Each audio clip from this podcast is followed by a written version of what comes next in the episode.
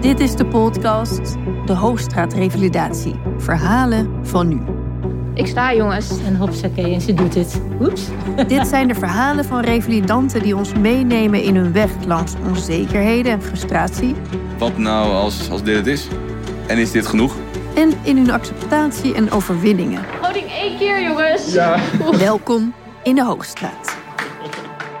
Mijn naam is Roos Oosterbaan. En meer dan twintig jaar geleden revalideerde ik hier ook.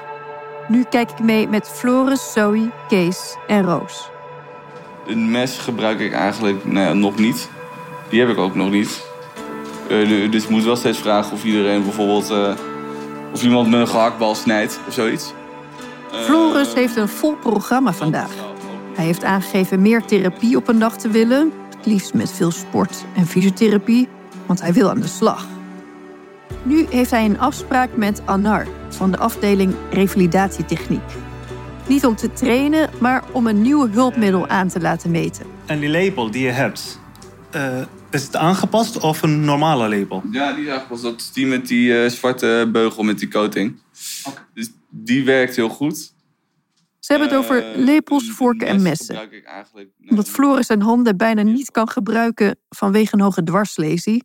En bij het eten toch zo min mogelijk afhankelijk wil zijn, kijkt hij met Anar naar verschillende aanpassingen. Ja, misschien kan je wel al met een verdikking. Ja. En verdikking is dan gewoon een brede handvat. Ja. Ja, dit is van eh vork met een knots als handvat. Nou ja, omdat ik dus minder kan knijpen, zou ik dit kunnen gebruiken. Maar ik denk dat deels omdat het handvat te zwaar is en ik nog niet goed genoeg kan knijpen, ik hier geen eh krieltje meer op kan pakken. Ja. Dus eh, dat gaat helaas niet werken. Maar je hebt, je hebt er nog één, toch? Ja, zeker.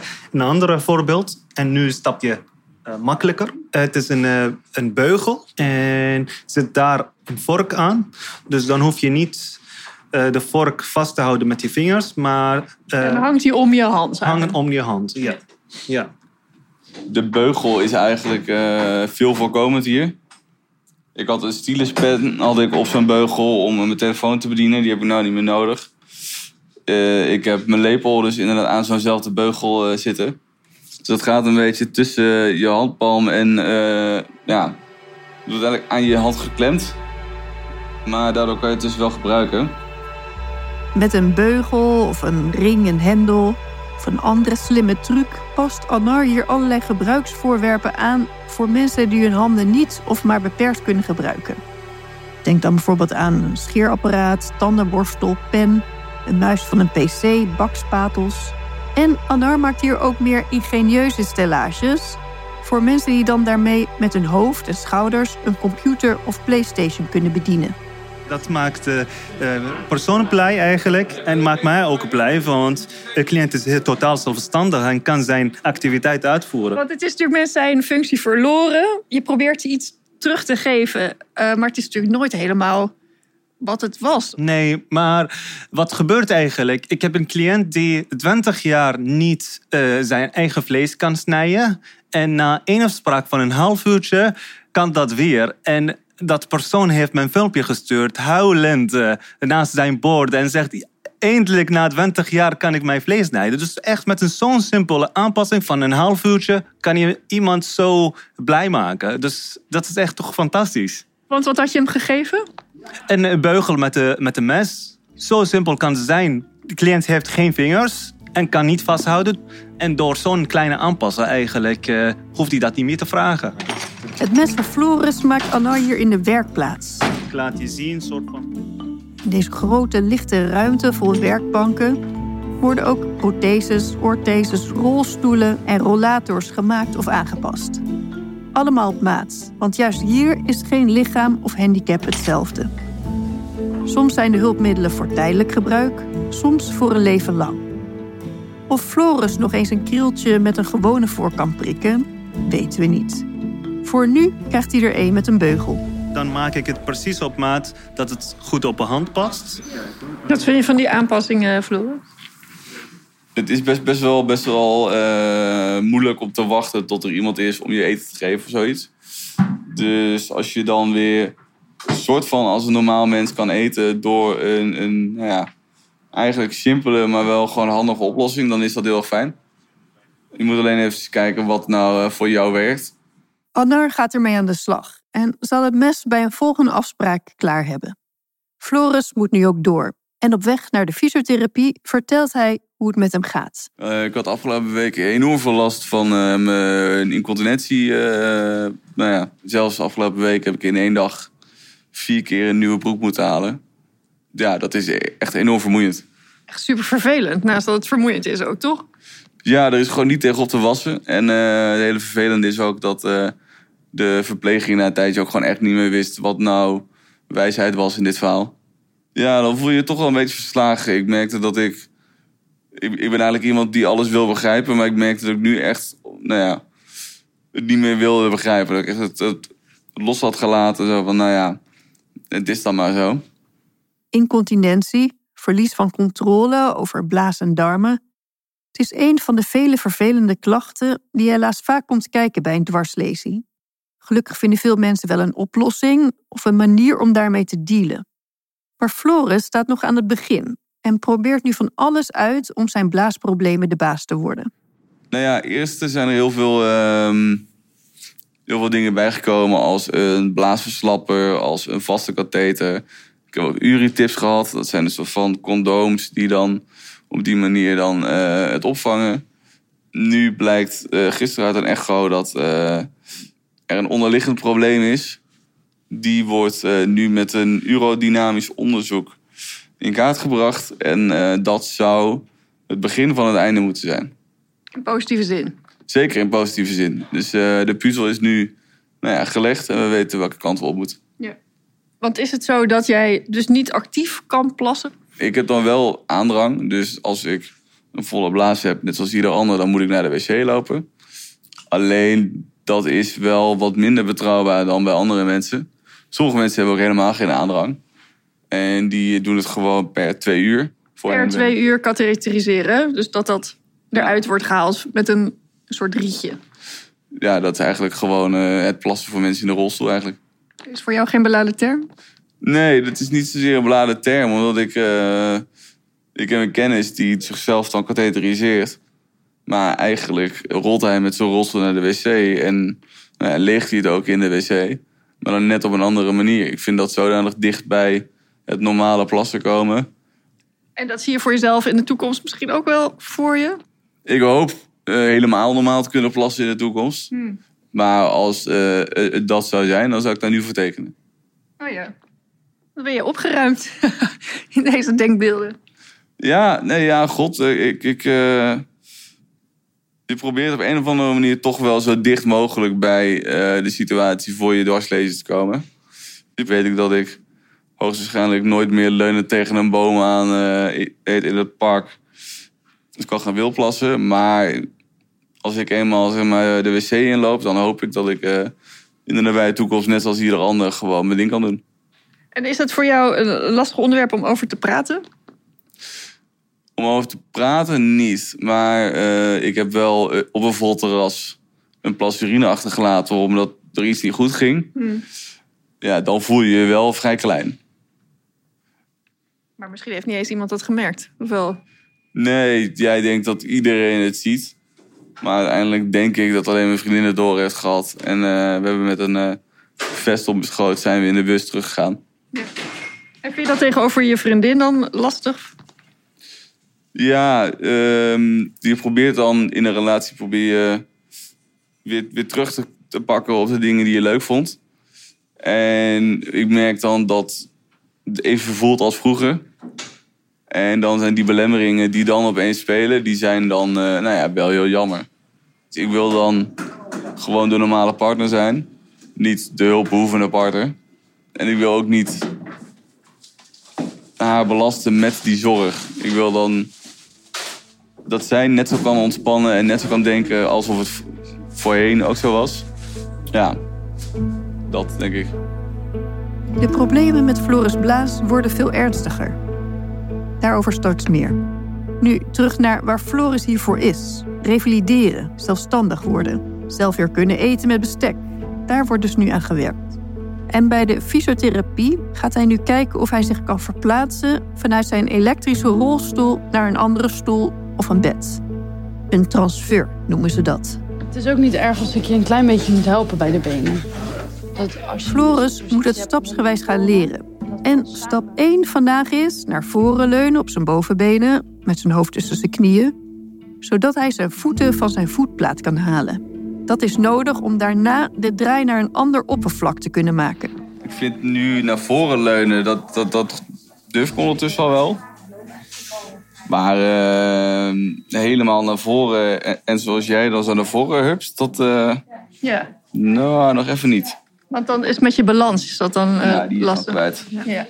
Maar de, ja, fysio wil wel dat je dat gaat doen, begrijp ik? Ja, Ja. We gaan eerst kijken of hij zijn voeten opzij kan brengen van de voetplaat. oké. Concentreren. Serieus, stopsport heet dit. Ja, dit is wel zwaar.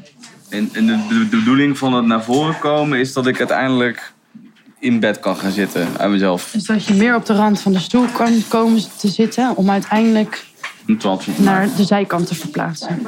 En je wil uiteindelijk het liefst met je voeten op de grond komen. Oké. Dus nu weer mijn hoofd tussen mijn benen. Floris heeft sneakers aan die niet makkelijk van zijn voetplank glijden. Het kost hem duidelijk heel veel moeite om ze ook maar een beetje in beweging te krijgen. Jongen, Je jongen. andere voet nu niet in de weg, Floris. Je rechtervoet. Ja, er zit heel veel in de weg. Ik vind het heel knap hoe je het doet. Laten we nog even zeggen dat je heb je hierna nog iets anders? Laten. Gaat het? Ja, het is eh, zwaar. En alle bloed wat ik heb zit in mijn hoofd nu. Ja, daarom heel even pauze tussendoor. Hoewel zijn fysiotherapeut Elise zegt dat hij een pauze moet nemen, gaat Floris door. Die voeten moeten en zullen eraf. Hoi. Ah. Ja, het is gelukt. Het is gelukt. De voeten zijn van de voetplaten af. Het zijn eigenlijk kleine stukjes van uiteindelijk een geheel wat we oefenen. Ja. Wat vond je ervan, dit? Nee. ja, dat is deels ook wel iets wat ik zelf natuurlijk wel enigszins belangrijk vind. Om dus, Ja. nou ja, te proberen om uiteindelijk zelf van bed naar stoel en, en dan vice versa kan eh, gaan. Maar ik heb je nog nooit zo bewegelijk of zoveel zien doen. Nou ja, ik doe genoeg hier hoor. Ja. Maar eh, ja, nee, misschien is dit de eerste keer dat je, dat je me daadwerkelijk in actie ziet qua eh, op zoek gaan naar een transfer. Dat Ja, maar je ziet eruit alsof je ook sterker bent. Oh. Ik heb ook wel het idee dat ik wel iets eh, van spiermassa terug aan het krijgen ben. Daar doe ik ook wel eh, mijn best voor. Maar ehm, ja, zoals altijd, ik wil eh, vliegen waar ik eerst moet leren lopen, zeg maar. En dat geldt hier ook voor. Dus voor jou waren die voeten alleen nog niet echt een overwinning. Nee, ik zie al die kleine stapjes, zie ik, vind ik heel lastig om dat te zien in het, eh, ja, gewoon in de bigger picture, zeg maar. Ja. Over een paar weken zal ik zien dat Floris steeds meer stappen leert om uiteindelijk die transfer vanuit zijn stoel te kunnen maken.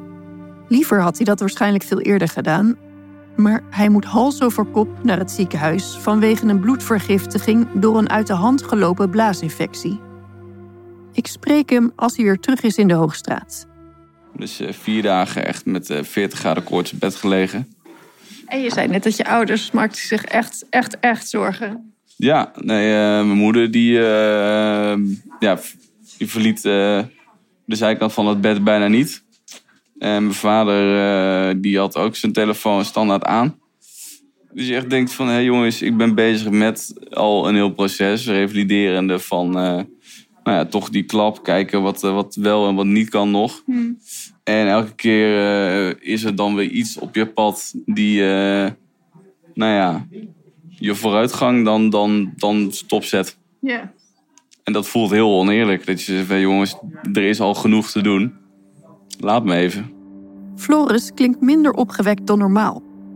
Er is dan ook nog meer slecht nieuws. Ja, en nu heb ik dan... Afgelopen donderdag ben ik nog voor controles ook naar het ziekenhuis gegaan. Toen een CT-scan laten maken van mijn nek, waarin ik dus geopereerd ben. En daar bleek dat er toch iets niet helemaal goed zat.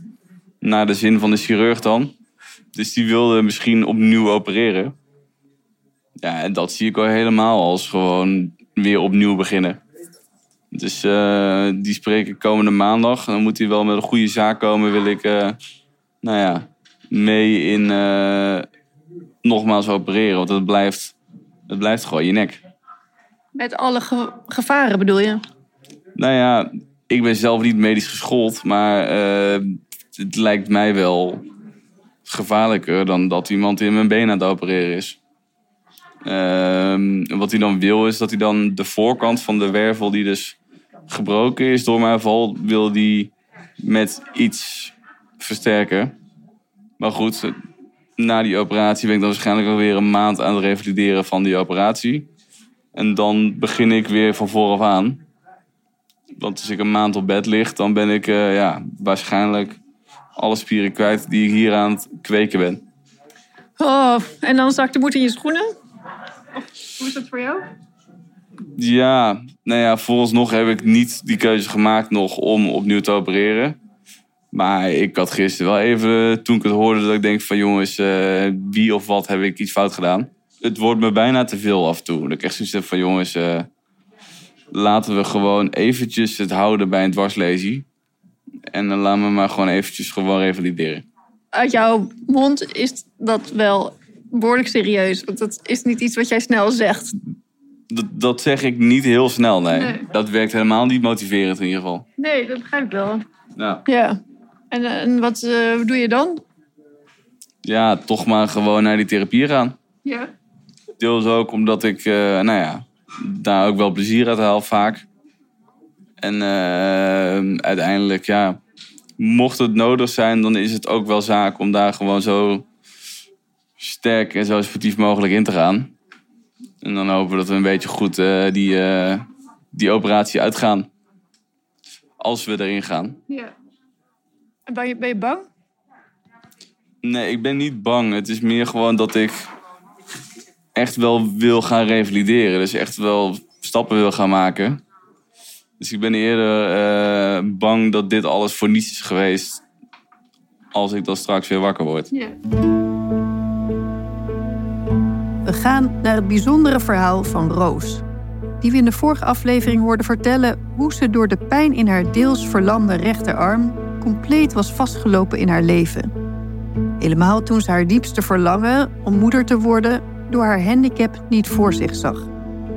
Die wens heeft ze voor nu even geparkeerd, zei ze. Eerst revalideren, mentaal en fysiek in balans komen. En dat is hier boven haar verwachting goed gelukt. Het is vandaag de laatste keer dat ik haar zie en ze komt me stralend tegemoet. Nou, ik ben zwanger. Je bent zwanger. Ja, Wauw, gefeliciteerd. dankjewel. Dankjewel. Dus Nee, dat is, eh, dat is heel mooi nieuws. Ja, Ja. zeker. Zeker. En hoe voel je? Ja, ik voel me eigenlijk wel heel erg goed. Ik voel me eigenlijk wel heel erg goed. De eerste paar weken had ik wel heel veel last van misselijkheid. Ehm, maar goed, dat is ook, eh, ook een fijn teken in die zin dat je gewoon weet dat er een hele hoop gebeurt. Maar ehm, ik ben een beetje eh, sprakeloos. Want ehm, ik weet dat we het vorige keer erover hadden. ehm, dat je dat graag zou willen, maar je niet zo voor je zag. Ja. Nee, dat klopt. Toen ik het traject natuurlijk hier startte, eh, zag dat er ook wel echt een beetje zo uit. En het bizarre is dat doordat er dus zoveel rust is ontstaan in die revalidatie, dat ik soort van had geaccepteerd dat mijn kinderwens nou, iets meer op de lange baan eh, moest gaan komen, ben ik op de natuurlijke weg zwanger geraakt. Nou ja, best wel ook Wauw. een wonder gezien even de hele hormoongeschiedenis. Maar ik denk echt dat erbij heeft gedragen in dat ik veel lekkerder in mijn vel kwam te zetten, zitten. En wat zegt het je dat het nu gelukt is? Ja, de- de- heel bijzonder. Kijk, eh, we hebben natuurlijk vrij snel al wel aan een revalidatiecentrum verteld. Want het heeft invloed op alles wat je voelt. En dat was natuurlijk een groot onderdeel van de revalidatie. Dus Ja. er waren, dat is ook best wel bijzonder dat sommige mensen die dichtbij staan... het eigenlijk nog niet weten van je zwangerschap. Terwijl het revalidatiecentrum het dan al wel weet. Maar daar werd echt heel goed op gere- gereageerd. Dus de ehm, revalidatiearts zei ook van de natuur heeft het voor je bepaald. Hè? En eh, vanuit de therapieën waren ze ook heel erg blij voor ons. En eh, zij zien natuurlijk heel veel verschillende mensen. Hè? En ze zien ook mensen met eh, ehm, verkorte armen bijvoorbeeld. Of met andere handicaps of, of, of nou ja, dingen waar ze tegenaan lopen. Waardoor zij vanuit heel veel vertrouwen konden zeggen... dit gaat ook jou lukken. En dan kon je hem denk ik wel gebruiken. Ja, zeker, Ja. zeker. En het is fijn dat eh, mensen niet meteen kijken naar ehm, de moeilijkheden, maar heel erg zeggen vanuit vertrouwen: dit gaat jullie lukken. En wat ik dus fijn vond, is dat dus daar ook de therapie op aan zijn gepast. Dus hoe kan jij op een juiste manier tillen? Hoe kan je op een juiste manier voeden? Dat waren juist, juist natuurlijk al die dingen waar ik tegenop zag. En zo kon het gebeuren dat Roos, de vorige keer dat ik haar zag bij de ergotherapie, nog aan het oefenen was hoe ze met één arm en op een pijnloze manier haar BH aan en uit kon doen. En dat vandaag in deze therapie haar nieuwe leven, straks met kind, centraal staat. Ze heeft al eerder geoefend hoe ze het kindje straks het best kan vasthouden en in bad kan doen. En ergotherapeut Marieke vraagt wat Roos nu nog wil oefenen. Nee, volgens mij, wat, of tenminste wat ik nog heel graag wilde, is eh autozitje in en uit of de auto in en uit, zeg Ja. maar even. En Baby in ehm, en uit aan. baby in en uit de auto, precies. Ja. Maxicosi slepen Met baby. met baby. Ja. Nou, aangezien eh, de baby nog in de buik zit, hebben wij een pop. Het is een behoorlijke pop, maar Ja, eh, dan ja. heb je ook wat oefengewicht. Nou, het gewicht voelt altijd wel een beetje anders dan als het, een, als het een levende baby betreft. Maar als je het op de weegschaal zou leggen, is het wel die, eh, die vergelijking. Ben jij nu met je auto? Ja. Kunnen we even heen gaan? Ja, me goed. Oké, heel even Roos. Ja. We nemen de Maxicosi. Ja. Mee naar de auto. Mee naar de auto. Hoe voelt Dan het? kunnen we het oefenen. Nou ja, ik vind hem al best wel zwaar zo. Maar ja. Maar hoe voelt het om met Maxicosi en, nou ja, nep baby... En met baby te lopen. Nou, goed. Het is ook een jongetje vandaag.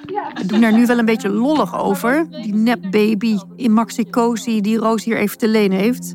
En natuurlijk is het prachtig nieuws en super fijn dat ze zoveel vertrouwen en hulp krijgt. Maar ik vraag haar of haar oude angst nog ergens sluimert. Jazeker, dat is ook een reactie die oppopt. En dat is heel vervelend, want je wil eigenlijk alleen maar heel erg blij zijn. Want die wens is er. Maar dat is ook een reactie die oppopt. En dat heb ik tot op heden nog wel. Dat je met sommige dingen, dat het wel heel confronterend is. Een vriendin van mij is net bevallen van haar eerste kindje. Ehm, dan voel je natuurlijk meteen in het vasthouden de confrontatie in. Die statische beweging lukt daadwerkelijk niet. Dus ik moet het daadwerkelijk al meteen anders doen. Nou het liefst zou je ehm, dingen misschien anders doen. Eh, ehm, dat, je wel, dat ik wel bijvoorbeeld heel veel op mijn kind kan dragen. Alleen ik weet dat dat gewoon op een andere manier zou moeten.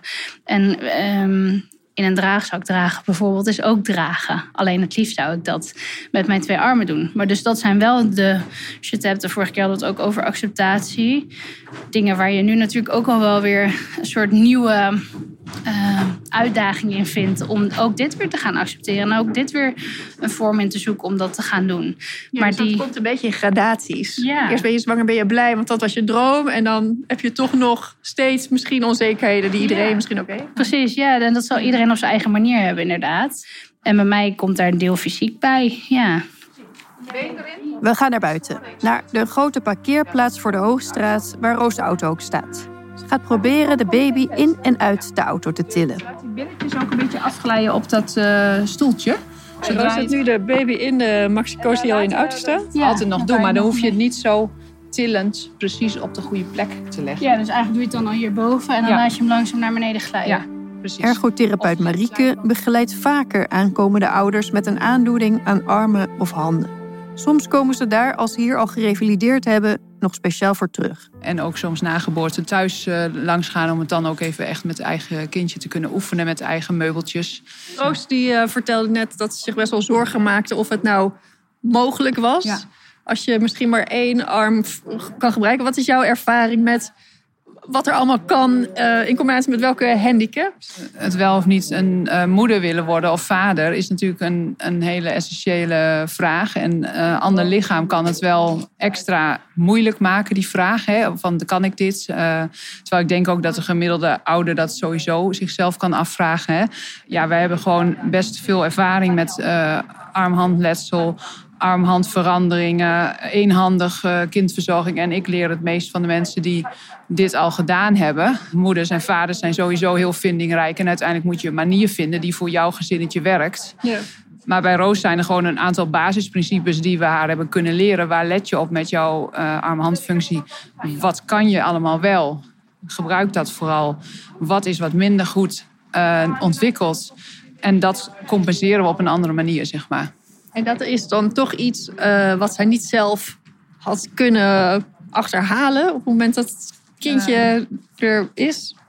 ja, theoretisch zou ze het zelf misschien ontdekt kunnen hebben. Alleen het is heel lastig als je wat overbelaste armen hebt, dan doen ze zeer. Dan is het soms ook lastig nog te voelen van wat is nou wijsheid en wat niet. Ik denk dat voor mij gewoon een risico is dat je continu alle grenzen overgaat. En continu eh, die, die pijngrenzen overgaat. En Dus met dat is deze- maar beter om het nu even te oefenen. Juist. Ja, Ja. dat is een goede. Ik denk dat dat de kern is uiteindelijk. Ja, je kan heel veel dingen ehm, gewoon echt goed voorbereiden. Ja, En ja, dan geeft iemand zelf ook wat meer rust en vertrouwen. zeker. Wat ben je nu aan het doen dan, Roos? Roos die probeert een baby uit de auto te krijgen. Maar dan met twee benen buiten de auto. En dat is zwaar. Ja, dan krijg ik dus met rechts niet opgetild. Nee. La, laat ik nog een keer proberen met erin. Of het me dan wel lukt. Na een paar keer oefenen komt Roos erachter dat ze de baby het best kan verplaatsen als ze met één been in de auto gaat staan. Dat gaat wel beter. Nou, je, hebt, je hebt hem eruit gekregen. Net dat ik zeg maar, was het buiten bereik van kracht. Ja. En nu als je dat been, dan zit er meer grondstabiliteit of zo, denk ik. Want dan heb ik meer, voel ik meer die kracht. Ja, je kan gewoon je, met je, uit je been heel veel kracht eh, ha- halen om jezelf in de goede positie te houden. Oké, goeie. Oké. Zie je het voor je, Roos? Nou, het, het puzzelt me nog wel hoor, merk ik. Dat ik denk, ja. En je moet ook gewoon nog even voelen met dat hoofdje en zo. En hoe je dat dan zo steady mogelijk kan doen. Ehm, dus dat, ga, dat, dat moet ik gewoon gaan ontdekken. En wat voel je het nu in je arm? Ja, ik voel wel dat we dit hebben gedaan. Zeker, zeker. Ja, dat geeft wel een bepaalde belasting. Maar daarom wil je het dan wel zo goed mogelijk doen. Want, want ik kan me dus voorstellen, als ik een dag alleen heb en dan dat je dan al niet te veel afspraken wil plannen, want dan moet je dit bewijs van al drie keer doen, de in en eruit, en dan s'avonds nog een keer in bad. Dat zullen een beetje, dus ook zo zal ik het moeten verdelen. Ja. Of dan dus gewoon vragen of Jordi het s'avonds in badje wil doen, Ja. of s'avonds ermee onder de douche gaat. Ja, dus we kijken uiteindelijk ook eh, naar de dag-week-indeling. Voor, eh, met alle activiteiten die Ja. ook naast kindverzorging gewoon eh, doorgaan natuurlijk. Eh, dus soms eh, zit het daar ook de winst, hè, de verdeling. Of eh, misschien eh, minder in bad doen. hè, het hoeft ook niet zo vaak. Natuurlijk blijven er dingen die Roos straks ook met haar partner Jordi nog moet gaan uitzoeken. En haar handicap en de pijn zijn na dit revalidatietraject niet weg. Maar zoals ze ook in de vorige aflevering vertelde, ze kan het nu weer aan. Nu ook zonder hulp van de Hoogstraat. En dit is voorlopig haar laatste therapie. En anders dan bij Zoe in deze podcast is dat voor Roos alleen een heel blij moment. voelt ook wel goed om het af te gaan ronden. En eh, in het begin van het traject had ik echt zoiets van... oh, ik mag weer naar de revalidatie toe. Ehm, en nu merk ik ook wel de laatste weken dat ik het gevoel heb... oh, ik moet weer. En dat is denk ik alleen maar heel positief. Omdat je dan het gevoel hebt dat je weer zelf verder kunt. Roos, hoe, kan jij, hoe kijk je nu naar de toekomst? Ja, heel, eh, heel anders dan toen ik hier startte. Veel meer met vertrouwen in mezelf. Ik weet veel meer, eh, voel veel meer regie over mijn, mijn leven eigenlijk. En als je weet dat er voor mij in een half jaar dus zoveel veranderd is, dat ik er echt zo anders bij zit, dan denk ik, er zullen een hele hoop andere mensen misschien wel op een andere manier vastlopen. eh, of het nou fysiek of mentaal is. En ehm, ik denk dat revalidatie in die zin klinkt als iets wat je niet zomaar aan kan gaan. Of dat er een soort gebeurtenis moet zijn waarna je gaat revalideren. Maar in mijn geval was dat ook niet aan de hand. Maar ik liep vast. Ja. En ik denk serieus dat een revalidatie in de Hoogstraat hierin... dat dat een plek is waar meer mensen eh, met dit soort vergelijkbare vragen terecht zouden kunnen. Ik wens je heel veel geluk, eh, Roos. En ook straks met de baby. Dankjewel, dankjewel. Komt helemaal goed. Volgende week horen we of de operatie van Floris doorgaat. En neemt Zoe afscheid. En dat is voor haar vader een moment om toch ook achterom te kijken. Gaat hij nou door een hele zwarte periode heen? Ja. Dat je denkt van ja, shit. Hoe ver, wat moet er allemaal nog gebeuren? Ja, best lastig. Dat in de volgende aflevering van de podcast De Hoogstraat Revalidatie. Verhalen van nu.